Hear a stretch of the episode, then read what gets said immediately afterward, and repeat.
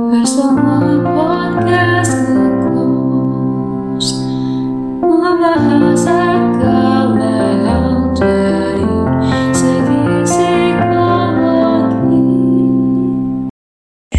hai hai sobat ngekos. Halo Sobat Ngekos, Ngobrol sore bareng anak sosmas.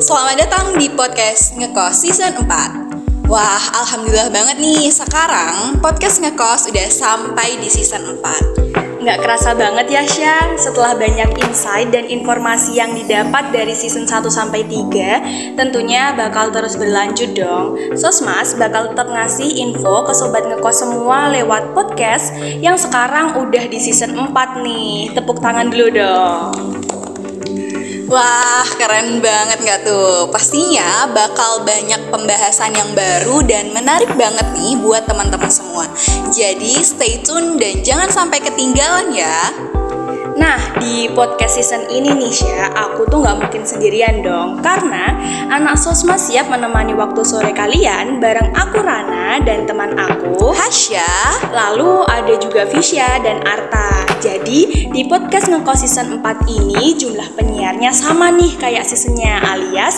bakal ada empat orang dan pastinya akan bergantian mengisi podcast Biar nggak kayak pasar dan biar kalian nggak bosen nih denger suara yang itu-itu aja Makanya kalian harus stay tune dan selalu cek Spotify buat tahu update keseruan pembahasan kita yang pastinya bareng narasumber yang keren-keren. BTW Hasyam, gimana kabar dan akhir-akhir ini tuh lagi sibuk apa sih? Eh, ya agaknya kalau ditanya kabar itu jawabannya selalu template ya baik-baik aja. Tapi eh, kalau untuk kesibukan akhir-akhir ini lagi disibukin dengan. Mungkin Rana juga merasakan ya gempuran tugas menuju UTS ini. Bener banget, numpuk setinggi gunung Fuji. Kalau Rana sendiri gimana nih kabarnya? Dan apakah ada kesibukan selain tugas menugas? Hmm, pastinya kalau ditanyain kabar itu nggak jauh dari baik-baik saja ya, meskipun nggak bisa dipungkiri capeknya. Tapi em, kalau kesibukannya sih selain nugas eh, ada kepanitiaan juga nih, jadi memang harus pinter-pinter nge-manage waktu biar nggak keteteran. Wah, keren-keren. Semangat ya Rana.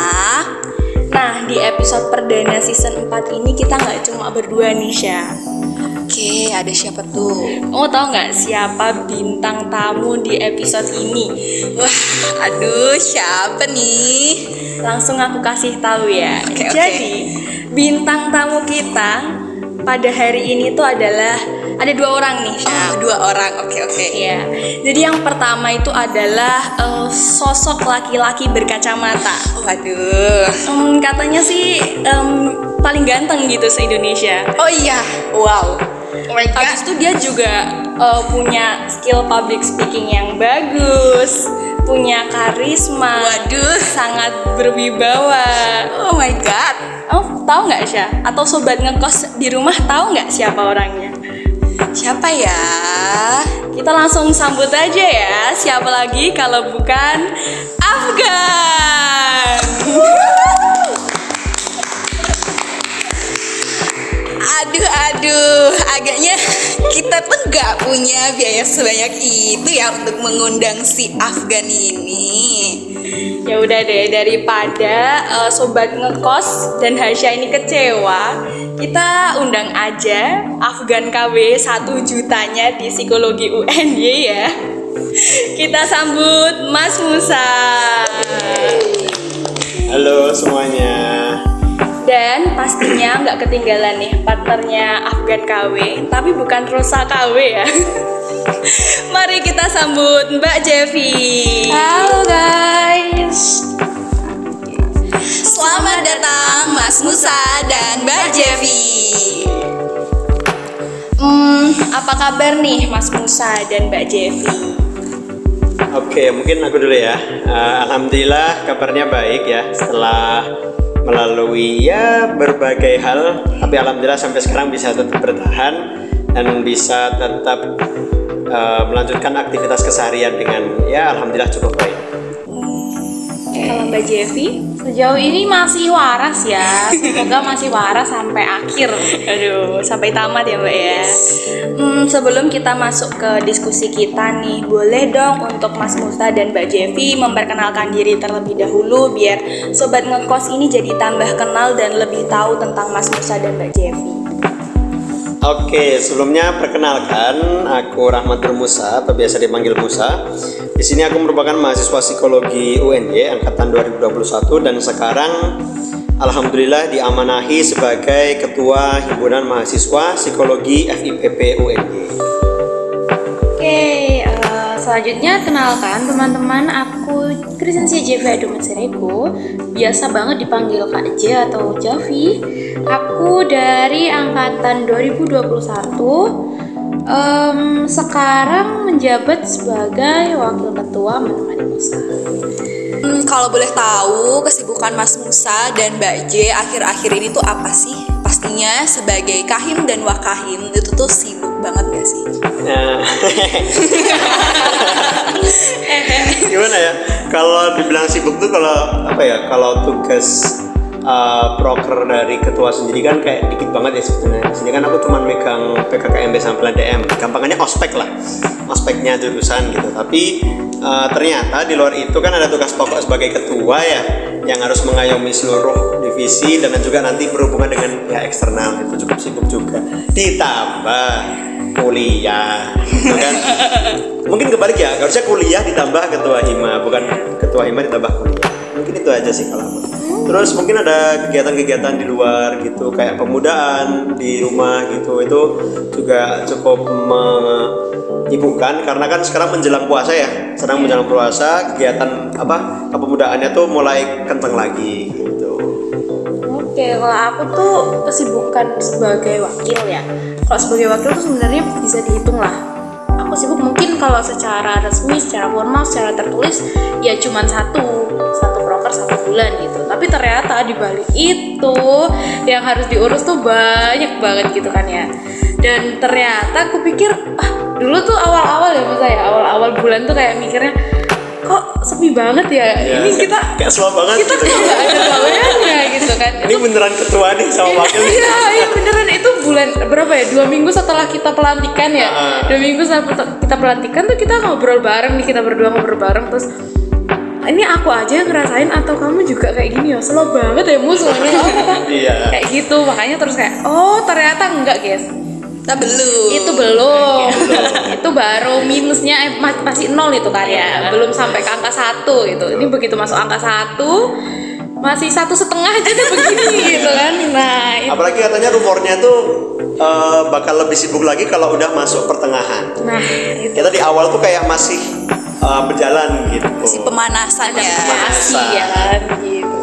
Itu deh. Jadi kesibukan aku akhir-akhir ini selain jadi wakil ketua aku juga kayak aku harus ngatur bener-bener ngatur waktu aku sama relasi di luar gitu. Relasi di luar nggak mungkin dong aku cuman uh, berrelasi di dalam hima di dalam psikologi gitu kan enggak. Aku juga harus tetap uh, cari relasi aku keluar gitu. Jadi aku bener-bener harus bisa ngatur waktuku buat sibuk di gereja sibuk di kampus nggak uh, organisasi dan kampus yang dalam tanda kutip mungkin tugas kayak gitu gitu yes. Oke ya, ternyata emang lumayan ya sibuk. Tapi seneng gak sih karena bisa diamanahi memegang jabatan yang penuh dengan tanggung jawab ini dan eh, kalau boleh tahu nih apa suka dan bahagianya gabung ke organisasi? Oke, suka dan bahagianya ya. Berarti suka semua nih, bahagia semua gitu. Ya, Oke. Jadi suka dan bahagianya itu yang kerasa adalah eh, kalau dari diri sendiri ya, diri sendiri tuh kayak merasa eh, apa namanya?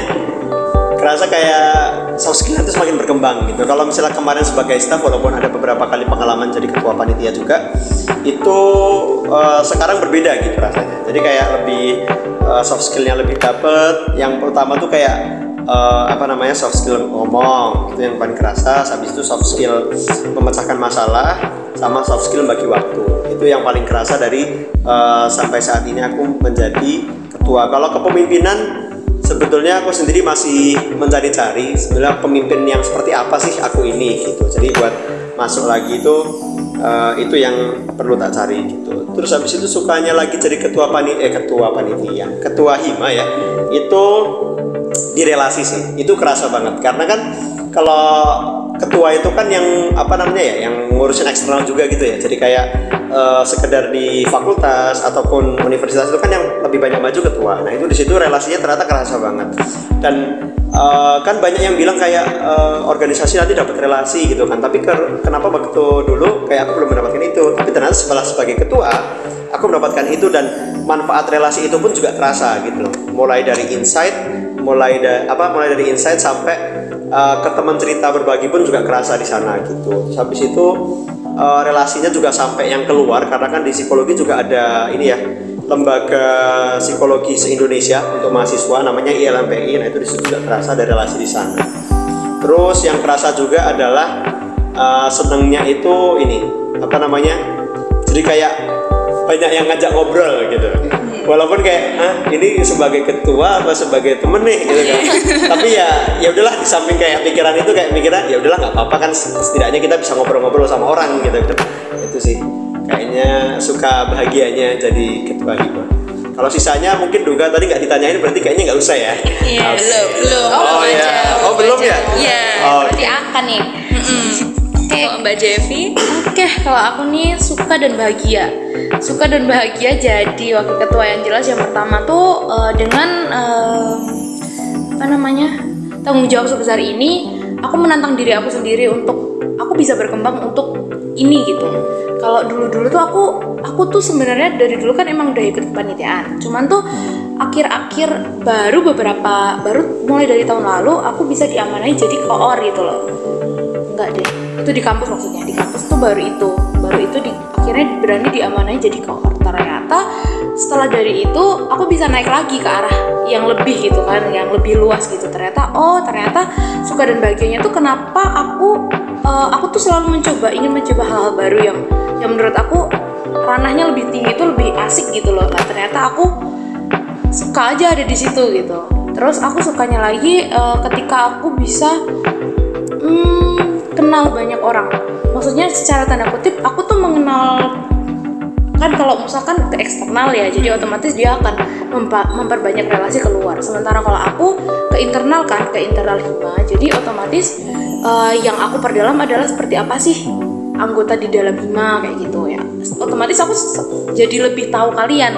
Aku jadi lebih tahu seperti apa sih eh, harusnya di dalam divisi itu seperti apa sih harusnya relasi di dalamnya kayak gitu sih gitu Oke, jadi itu tadi tuh adalah suka dan bahagianya ikut organisasi. Ternyata emang di organisasi itu nggak yang semenegangkan itu gitu loh. Banyak banget eh, manfaat yang bisa didapatkan dengan ikut organisasi atau bahkan ikut kepanitiaan juga ya.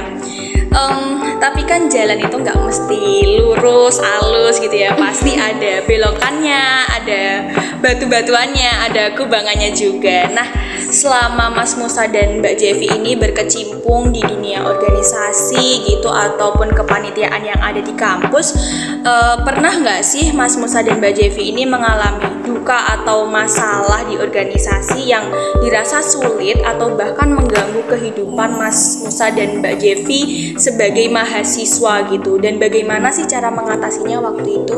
Oke, eh, kalau masalah jelas ada ya. Dan eh, kira-kira masalah apa ya yang eh, paling bikin ini tuh sebetulnya eh, ini sih eh, masalah internal justru yang paling bikin eh, apa namanya kayak eh, jalan ini kerasa banget gitu, geronjal-geronjalnya tuh kerasa banget gitu. Ternyata yang paling kerasa itulah masalah internal justru. Aku pikir kayak di awal itu mungkin masalah internal tidak akan semengganggu itu dibandingkan tuntutan eksternal gitu kan tapi ternyata tuntutan eksternal lebih bisa dikontrol dibandingkan masalah internal gitu jadi yang eh, apa bikin suatu masalah itu adalah beberapa masalah internal yang kita harus terjun langsung mulai dari personal eh, per divisi habis itu ada masalah teknis ke prokeran dan lain sebagainya. Itu masalah-masalah yang sering banget eh, dihadapi karena walaupun ya walaupun udah baru satu bulan ya tapi itu udah kerasa banget gitu sampai saat ini. Gitu. Terus ini tuh bener kalau tadi dikatain sampai mengganggu kuliah sangat ya.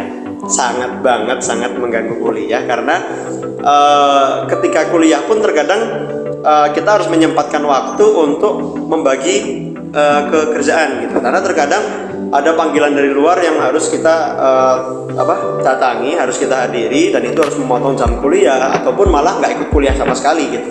Nah itu sebetulnya juga sangat mengganggu kuliah ya. Terus habis itu kalau misalnya uh, misalnya nih udah bikin jadwal ya udah mau pulang tuh mau ngerjain tugas gini gini gini gini gitu. Tiba-tiba masuk WA uh, tanya ada yang uh, ngajuin proposal ada yang minta uh, TTD dan sebagainya minta revisi ini dan sebagainya kan?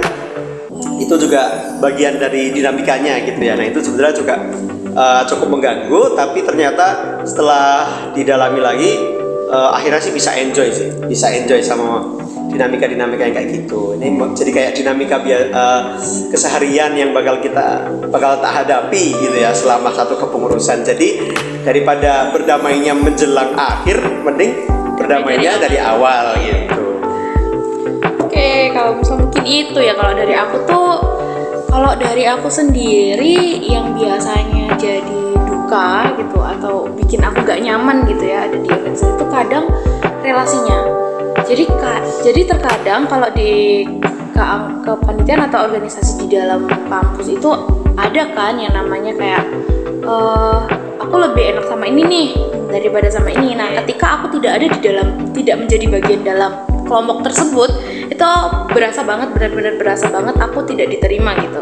Dalam tanda kutip aku tidak diterima. Walaupun mungkin secara uh, apa namanya kinerja atau secara secara apa ya uh, skill gitu lebih mumpuni. Tapi ternyata kalau misalnya aku nggak bisa beradaptasi dengan mereka itu ya memang aku bakal jadi sesuatu yang berbeda. Hmm, maksudnya dalam kelompok lain gitu lah itu itu yang bikin aku kalau dari aku itu sih yang bikin aku gak nyaman. Tapi kecuali eh apa tadi pertanyaan setelahnya kalau misalnya uh, itu mengganggu perkuliahan atau tidak sejauh ini kalau itu kalau aku tuh bisa membagi mana yang itu memang harus di perkuliahan dan mana yang itu memang uh, bagian dari bidang organisasi gitu.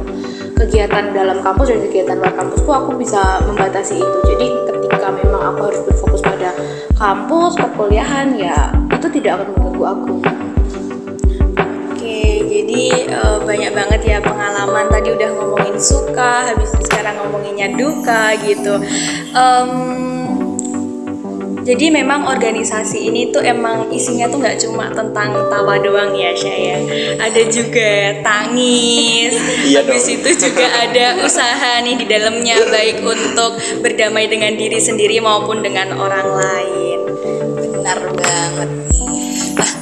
Musa dan Mbak J akhir-akhir itu aku sering banget ya denger atau diskusi nih sama teman-teman aku tentang organisasi yang ada di kampus gitu. Terus selain itu juga aku tuh banyak nemuin thread di Twitter yang bahas tentang hal ini. Uh, kalau Rana pernah nggak sih Ran baca thread uh, di Twitter itu? Um, kalau aku bukan pengguna Twitter ya, jadi aku nggak okay. pernah membaca itu gitu. Tapi aku banyak juga nih menemukan topik-topik itu tuh di Instagram atau bahkan TikTok gitu. Nah, uh, jadi aku ngerasa bahwa topik ini tuh cocok gitu untuk dibahas dengan kahim wakahim kita nih. Yap, menarik banget topik ini tuh. Jadi kita tuh uh, seperti yang kita tahu ya saat ini banyak banget pro kontra mengenai efektivitas organisasi kampus sebagai wadah berorganisasi para mahasiswanya. Bahkan nih beberapa influencer juga banyak yang bilang ah mending jadi kupu-kupu aja lah daripada kura-kura. Nah ini kan menyebabkan minat mahasiswa untuk berorganisasi tuh jadi menurun gitu. Nah, gimana nih tanggapan Mas Musa dan Mbak J mengenai fenomena tersebut? Dulu boleh? Iya boleh. Oke. Sebenarnya kalau bisa dibilang ya, uh, secara tidak langsung tuh hal ini juga jadi kayak dasar aku sama Musa mau ke mana nih lima tahun ini kayak gitu. Sebenarnya ini jadi dasar itu Uh, tapi aku nggak bakal bahas itu mungkin bakal akan dibahas Musa ya terkait itu. Well uh, kenapa kenapa banyak gitu ya? Kenapa banyak eh, gimana tanggapannya tentang fenomena ini? Gimana ya bilangnya? Kalau kita membahas kalau kita bilang tentang kupu-kupu atau kura-kura kalau aku pribadi mikirnya gini. Aku dulu pernah ada di fase di mana aku harus gap year. Nah jadi di situ aku ditentang sama kedua orang tua aku kayak kenapa sih? Kenapa nggak kuliah aja? Satu tahunmu mau buat apa? Kamu berhenti kamu mengalami kayak mereka menganggap itu sebagai penurunan kualitas pikiran kayak gitu. Jadi kamu nggak bisa mikir kamu nggak ngapa-ngapain. Tapi ternyata eh dari situ aku malah berpikir kayak Papa tuh oh ini Papa pernah bilang gini, "Eh, kalau kamu kamu kamu lulus sekolah sama kamu lulus kuliah, kamu akan menjadi dua orang yang berbeda. Kamu lulus kuliah, kamu akan mendapat pengalaman-pengalaman yang gak akan pernah kamu dapatkan di luar. Bahkan ketika kamu tidak kuliah pun, kayak gitu. Terus aku bertanya-tanya dong, dalam kebir itu aku bertanya-tanya, apa sih, apa sih yang ditunggu dari kuliah ini? Terus setelah aku masuk, aku masuk terjun, aku akhirnya diterima kuliah. Di situ aku tahu apa yang dimaksud dengan jangan jadi kupu-kupu. Kuliah pulang, kuliah pulang. Kuliah pulang, kuliah pulang tuh kamu bisa dapatkan itu di mana? Maksudnya kamu bisa dapatkan eh, hasil hasil dari perkuliahan kamu itu sebagai itu memang penting betul. Eh, di dalam waktu itu tuh ada selah, ada selah waktu gitu loh. Nah, kamu pergunakan selah waktu itu tidak hanya untuk eh, pulang kayak gitu loh di kosan kayak main gitu. Kamu bisa mencari relasi dari situ dan dari situ aku menemukan ini jawabannya. Ketika kamu ada di sebuah organisasi, kamu dipertemukan oleh banyak orang, kamu akan mencoba untuk beradaptasi dengan banyak orang. Di situ pemikiran kamu akan berubah. Jadi gimana caranya kamu mengatasi konflik kamu dengan orang lain? Gimana cara kamu mengatasi konflik kamu dengan diri kamu sendiri bahkan egois eh, egoisan kamu sendiri? Gimana caranya kamu eh, kayak kan sama orang baru nih nggak mungkin langsung jadi klop gitu kan nggak mungkin. Pasti ada fase-fase tertentu di mana adaptasi itu harus ada gitu kan. Nah di di dalam fase adaptasi itu kamu akhirnya harus belajar lagi. Dari situ aku tahu alasan kenapa kamu harus kuliah. Bapak selalu bilang gitu, kamu harus kuliah. Eh, biaya pasti ada, kamu pasti kamu harus kuliah. Gitu. Sampai di aku akhirnya, sadar kok, bener di kampus itu kamu harus ketemu orang baru. Menurut aku ya, kenapa aku menanggapi fenomena itu. Kalau menurut Mas Musa nih, Nanggepin kalau kura-kura jadi kupu-kupu itu sebetulnya sampai saat ini pun gimana ya? Kayak ini tuh masalah yang betul-betul jadi pikiran juga gitu loh. Dari mana titik akar masalahnya gitu kan? Apakah iya hanya sekedar uh, benefit yang akan mereka dapatkan dari ikut berorganisasi gitu kan? Kalaupun begitu, kenapa uh, semua organisasi yang ada itu juga terdampak gitu loh? Padahal kan nggak semua organisasi itu standarnya di bawah gitu kan? Pasti mereka ada yang punya standar di atas. Artinya mereka punya kapasitas yang jauh lebih baik. Tapi kenapa mereka pun juga merasakan hal yang sama gitu? Nah, contohnya ke mana sih uh, akar masalah dari uh, permasalahan ini gitu kan? Itu yang sampai saat ini tuh aku masih nyari gitu sebetulnya. Terus nanggapin masalah kayak gini sebetulnya juga agak bingung ya karena uh, usaha yang mau dicoba sama aku pun untuk organisasi uh, adalah kita coba deh cari benefit yang konkret gitu. Kalau soft skill itu kan kembali ke individu masing-masing ya. Kembali ke individu itu bagaimana dia memaknai kegiatannya di organisasi, ke individu di mana bagiannya di apa namanya kepanitiaan dan lain sebagainya, apa yang akan mereka dapatkan itu kan kembali ke masing-masing tapi kita e, dari aku sendiri pengen nyoba apa ya apa benefit konkretnya gitu. Dan dipandu juga dengan dosen pendamping. Akhirnya ketemulah e, bahwa benefit itu adalah ke apa ya skill skill. Tapi kayak maksudnya ke hard skill ya mungkin ya. Hard skill gitu. Jadi kayak e, simpelnya adalah e, kita di organisasi ada yang masuk ke bidang desain gitu mereka masuk belum memiliki uh, ataupun masih dalam taraf uh, skill desain yang di bawah gitu. Ataupun ataupun mungkin udah ada yang tinggi ya karena dia otodidak uh, otodidak ataupun dia udah pernah ikut pelatihan gitu. Tapi kita coba memfasilitasi mereka dengan cara melakukan pelatihan itu gitu. jadi adakan pelatihan untuk mereka dengan nanti akhirnya semoga hasil dari pelatihan itu tuh bisa memberikan dampak yang baik buat mereka gitu loh. Nah habis itu kalau misalnya mau ngarah ke sertifikasi itu sebetulnya agak ini ya kita terlalu berbicara ke arah eh, mungkin aku bisa bilang terlalu berharap gitu. Karena untuk mendapatkan sertifikasi karena di sini sertifikasi bukan hanya sertifikasi pelatihan tapi sertifikasi kompetensi yang itu dinaungi oleh BNSP itu kan. Untuk mendapatkan itu tentu tidak mudah ya. Kita harus melewati pelatihan yang sejalan dengan eh, apa namanya yang diujikan gitu kan bisa diujikan nanti barulah eh, hasilnya itu menentukan apakah kita layak untuk mendapatkan sertifikat itu atau tidak.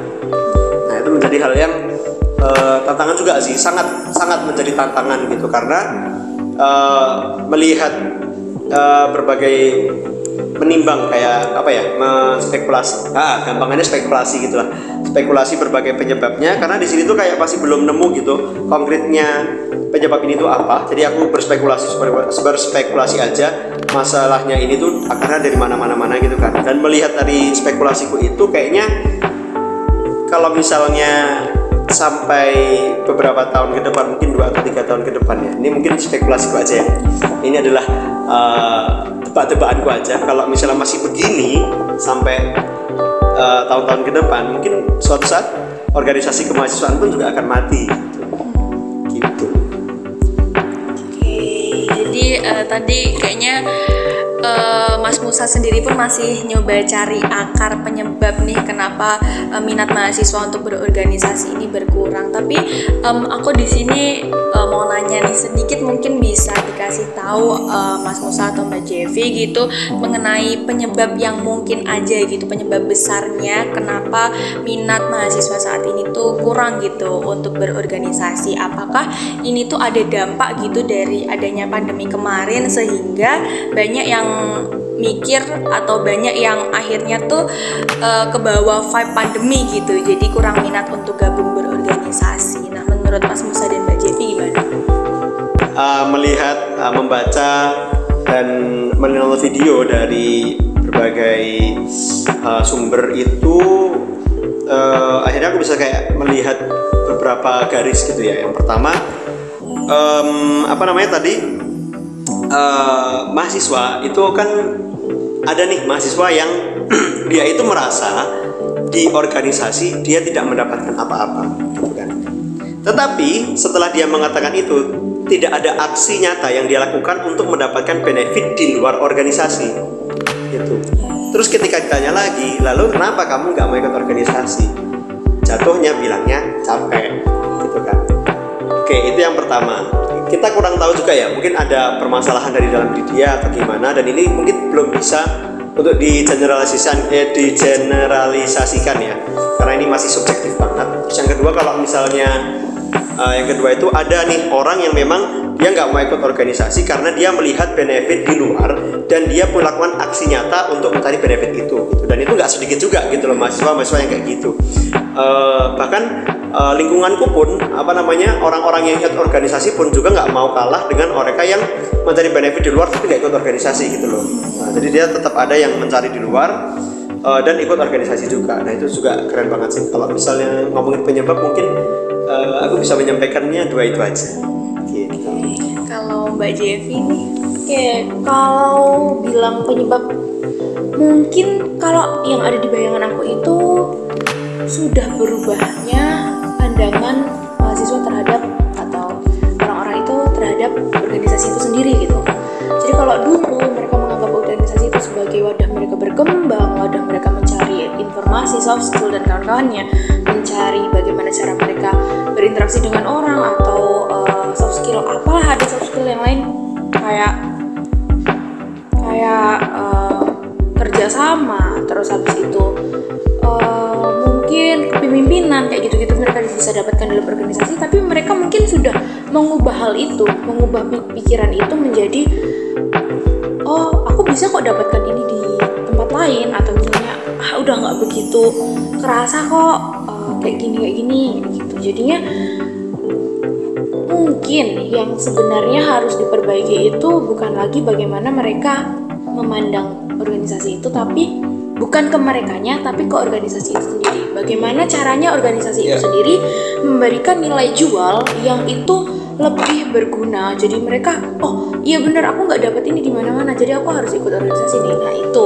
nilai itu yang harusnya kita cari untuk bisa menarik minat orang-orang buat ikut organisasi lagi Iya sih, setuju. Dan itu yang coba kita lakukan juga kan di organisasi ini juga. Dengan tadi itu yang pelatihan-pelatihan itu, gitu. Kita mencoba mencari uh, benefit konkretnya, gitulah gampangannya. Nah, tadi itu kan udah nih dijelasin sama Mas Musa dan Mbak J tentang benefit yang bisa nih dapetin di organisasi. Selanjutnya, sebagai kahim dan wakahim, gimana sih cara uh, untuk organisasi itu bisa menumbuhkan kembali nih minat mahasiswa biar mau nih aktif berorganisasi? Oke. Kalau aku tadi mungkin itu udah ya. Kita mencoba dari yang uh, apa benefit konkretnya gitu yang dari pelatihan itu. Tapi mungkin inovasi dari dalamnya juga gitu dari dalamnya dari dalam apa dari organisasinya sendiri gitu. Kayak misalnya mungkin uh, apa namanya misalnya ada divisi yang berkaitan dengan uh, apa namanya SDM sumber daya mahasiswa gitu kan kita bahasanya dari uh, karena organisasi mahasiswa ngomongnya tadi sumber daya mahasiswa ya uh, itu bisa nih kayak apa namanya nggak cuman di ranah uh, upgrading aja gitu kan. Mungkin biasanya sekarang gampangnya upgrading gitu ya. Kayak apa kerap gitu. Habis itu nanti diisi oleh pemateri dan sebagainya. Tapi bagaimana caranya kita juga bisa memfasilitasi mereka gitu. Jadi ini benefit untuk PS apa si pengembangan SDM itu sendiri gitu loh. Uh, kayak misalnya kita mengadakan konseling itu artinya kan menumbuhkan uh, apa namanya skill mereka untuk mengadakan konseling gitu kan. Walaupun uh, kita sebagai orang yang belum profesional tuh kita hanya bisa menerapkan ilmunya secara sederhana gitu. Kita nggak bisa melakukan tindak yang lebih lanjut gitu. Kayak misalnya diagnosis dan lain sebagainya itu kita nggak bisa. Dan kalau misalnya pun nanti ada permasalahan yang tidak bisa diselesaikan maka kita juga harus merujuk gitu. Kan kan seperti itu. Tapi pada akhirnya adalah harapannya kita bisa menerapkan skill itu secara sederhana. Terus habis itu kalau misalnya gampangannya lagi bagian pencarian dana dan sebagainya gimana sih caranya kita uh, mengembangkan gitu? Kita mencari dana tapi kita nggak berpatokan pada hal yang itu itu aja gitu kan. Hal yang paling sering di kayaknya hampir semua organisasi deh yang kita temuin itu adalah pengadaan PDH atau korsa organisasi tersebut gitu kan. Nah itu kayak dari semua pun ada gitu kan. Oke kalau tadi Musa mungkin udah menjelaskan sedikit tentang gimana sih uh, apa ya namanya uh, kayak aturannya atau apa ya sistematikanya gitulah ya gampangnya. Gimana sih meningkatkannya dari dalam? Kalau aku sendiri malah mikirnya gimana sih caranya membangun emosional itu? Jadi kadang uh, ada organisasi yang dia itu tidak bisa membuat suasana di mana orang ini ingin terus bekerja bersama sama dalam organisasi tersebut kayak perasaan kekeluargaan gitu. Kalau kekeluargaan mungkin agak anu ya aku agak agak agak seret sama kata-kata itu. Mungkin aku bisa bilangnya uh, perasaan emosional yang lain. Aku nggak tahu itu menyebutnya apa gitu. Cuman yang jelas kalau kalau gimana caranya kita meningkatkan itu tuh tahu nih kita belajar dari yang sebelum-sebelumnya kalau ternyata uh, orang nggak bisa buat stay terus ada di situ. Mereka nggak nyaman buat ada di situ. Berarti yang harus kita tingkatkan adalah kenyamanan itu ada di dalam organisasi tersebut. Kita harus cari juga akarnya gimana kesalahannya ada di mana ketua himanya mungkin misalnya mungkin yang salah atau akunya yang salah atau ketua divisinya yang salah atau wakil wakil ketua divisinya yang salah atau mungkin lingkungan dia yang salah. Kita nggak ada yang tahu akarnya dari mana kok dia ternyata memutuskan untuk tidak mau uh, ada kayak uh, ketakutan tersendiri buat join lagi. Itu bisa jadi salah satu faktor juga. Jadi ya mungkin yang harus dibetulkan atau yang harus dikaji ulang dievaluasi ulang ya dari situ organisasinya. Nih, mungkin uh, Mas Musa dan Mbak Jevi ini juga bisa ngasih tips atau ngajak gitu teman-teman mahasiswa untuk yuk beraktivitas di kampus entah itu dengan ikut berorganisasi ataupun dengan ikut kepanitiaan gitu kan. Mungkin bisa tolong dikasih sedikit tips dan ajakannya. Oke, eh, kalau ajakan aku tuh sebenarnya nggak pinter banget ya ngajakin orang tapi kalau tipsnya masuk organisasi yang penting ini sih uh, komitmen tuh komitmen tuh ternyata sepenting itu gitu loh. Jadi komitmen tuh harus bener-bener dulu tertanam. Jadi sebelum kalau misalnya mau masuk organisasi itu kalau bisa malah sebelum daftar sebelum ngisi formulir itu mikir dulu gitu. Kayak buat apa? Ini tuh buat apa? Gitu kan? Ini tuh buat apa? Untuk apa aku masuk sini? Benefitnya nanti aku akan seperti apa? Terus dinamikanya di dalamnya yang harus aku persiapkan itu apa aja? Nah itu tips-tipsnya sedikit. Terus habis itu kalau misalnya sudah di dalam itu jauh banget dari ekspektasi yang bakal kita punya di awal. Itu kerasa banget. Sangat kerasa. Nah dari situ yang perlu disiapin adalah uh, uh, kekuatan sih. Kekuatan untuk menjaga diri sampai eh, jangan sampai uh, kita malah jatuhnya uh, lepas tanggung jawab. Itu kan malah jatuhnya kita juga nggak mendapatkan benefit itu gitu kan. Jatuhnya kalau misalnya kita lepas tanggung jawab pun nggak bisa mendapatkan benefit itu. Jadi kalau menurutku tipsnya masuk organisasi itu dipahami dulu dirimu seperti apa dan pengennya seperti apa apa yang harus dipersiapkan untuk masuk organisasi. Dan kalau misalnya udah masuk dibawa enjoy aja jadi ngalir saja tapi jangan ngalir yang kayak ikan mati ya jadi dia nggak bisa bergerak untuk apa namanya uh, menghadapi arusnya tapi bergeraklah seperti ikan hidup gitu jangan kayak ikan mati gitu Kalau dari Mbak Jevi, Oke, kalau dari aku ya ngajak nih. Ngajak tuh sesuatu yang susah sih menurut aku ya kan. Karena kita juga harus tahu orangnya seperti apa. Cuman yang bisa aku bilang yang pertama hmm, mungkin jangan pernah salah pilih organisasi. Kalian bisa pelajari dulu seperti apa dalamnya organisasi yang mau kalian masuki. Jadi biar eh, itu tuh nggak jadi trauma tersendiri gitu buat ada di dalam organisasi. Sama halnya kayak kalau kita eh, pasangan lah ya kan kita harus tahu nih kebutuhan satu sama lain. Nah kamu butuhnya apa? Mereka punyanya apa? Apakah mereka bisa memenuhi apa yang kamu butuhkan? Sama halnya kayak kamu ada di organisasi. Kamu butuh apa? Apakah organisasi tersebut bisa memenuhi kebutuhan yang kamu butuhkan? Kayak gitu loh. Apakah mereka bisa memberikan feedback yang kamu bayangkan? Tapi ternyata ketika tapi perlu digarisbawahi ketika ternyata yang kamu cari tahu itu belum sedalam itu terhadap organisasi tersebut dan kamu sudah terlanjur masuk ke dalamnya jangan menyesal akan apa yang pernah kamu lakukan. Semuanya ada pasti ada apa yang bisa kamu ambil dari situ.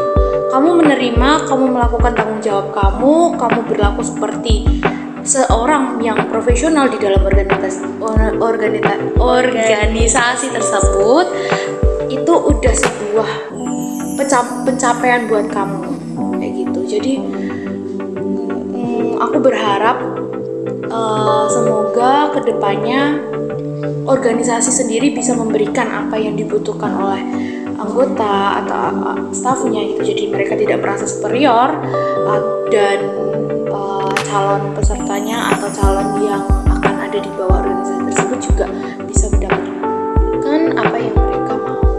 Itu dari aku sih. Em, jadi eh, ngomongin nih tadi jangan sampai salah gabung organisasi. Nah kalau di eh, UNY sendiri kan itu ada beberapa organisasi yang menggunakan sistem magang ya. Jadi mungkin ini bisa digunakan juga sebagai eh, kayak fase trial and errornya gitu biar eh, nggak salah nih untuk milih organisasi gitu ya Mbak ya. Dan untuk mungkin ini kalau yang pendengarnya adalah sobat ngekos yang berpredikat maba besok ya mungkin bisa eh, cek info terus di Instagram Himasi benar banget ya buat eh, cari tahu info magang dan untuk bisa ikut eh, mahi di tahun 2024 atau dua, oh 2023 ya, ya. Oke, wah nggak kerasa banget ya pembahasan kita nih udah selesai gitu. Bukan udah selesai sih, tapi udah mau selesai. Nah sebelum kita akhiri episode perdana eh, pada hari ini, mungkin Mas Musa dan Mbak Jevi boleh dong tolong kak kasih kesan dan pesan ya buat eh, podcast ngekos ini dan juga buat sobat ngekos di rumah. Oke, mungkin aku dulu ya. Eh, apa namanya kesan pesan buat podcast ini seru sih. Pembahasannya itu cukup menantang ya buat aku gitu. sampai tadi agak deg-degan ya beberapa uh, beberapa argumen yang aku sampaikan itu agak bikin deg-degan tapi ya sudahlah itu argumen pribadi Uh, terus uh, apa ya buat uh, sobat-sobat ngekos nih uh, apa yang ada di podcast ini mungkin jangan ditelan mentah-mentah ya. Kalau misalnya ada yang kurang serak dan lain sebagainya mungkin bisa dicari dulu kebenarannya gitu dan lain sebagainya. Uh, biar kita sama-sama ya sama-sama enak lah gitu. Wah, ini akhirnya ya setelah Iya. berapa bulan ya kita vakum sama ngekos kayak gini podcast ini. Ya mungkin selama pergantian. Selama pergantian ini kan ini berapa pertama kali akhirnya ngekos mulai lagi. Yes. Aku excited sih sebenarnya mau tahu apa nih yang bakal dibawa lagi tema apa lagi yang bakal dibawa lagi. Karena tema pertama aja udah oh my god. Gimana berikut berikutnya ya? kenapa ambil topik ini? Gitu. kenapa gitu loh? Terus semoga ya semoga bener katanya Musa. Eh, teman-teman ngekos teman-teman sobat ngekos ini eh, jangan jangan ditelan ditelan mentah-mentah apa yang yang kita bilang. Karena sebenarnya gini nih jurnal pun kalian bisa konfirmasi ulang ke pemiliknya gitu. Jadi kalian bisa konfirmasi ulang apa yang kita katakan di sini ke aku atau ke Musa kayak gitu. Itu sih. Thank you. Oke, terima kasih buat Mas Musa dan Mbak Jevi sudah bersedia meluangkan waktu di tengah kesibukannya untuk diskusi nih bareng kita dan menyapa Sobat Ngekos untuk pertama kalinya di episode pertama podcast Ngekos season 4 ini. Terima kasih juga buat sobat ngekos semua yang udah dengerin sampai akhir dan seperti yang dikatakan oleh Mas Musa dan Mbak Jevi eh, bahwa informasi yang kita sampaikan di podcast ini jangan sampai ditelan mentah-mentah ya. Bener Mungkin teman-teman di rumah juga bisa beropini gitu ataupun di mana pun kalian berada juga bisa ikut beropini gitu. Semoga episode kali ini membawa banyak insight ya Hasya ya, baik untuk kami maupun sobat ngekos di rumah. Oke, dan nantikan terus ya episode podcast Ngekos selanjutnya yang pasti topik pembahasannya lebih seru lagi. Dan jangan lupa untuk cek podcast kami di Anchor dan Spotify, serta cek juga info terbaru ngekos dan kegiatan seru Hima Psikologi UNY di Instagram himapsiuny. Aku Hasya, Dan aku Rana, kita pamit undur diri. See you on the next podcast. Sampai jumpa.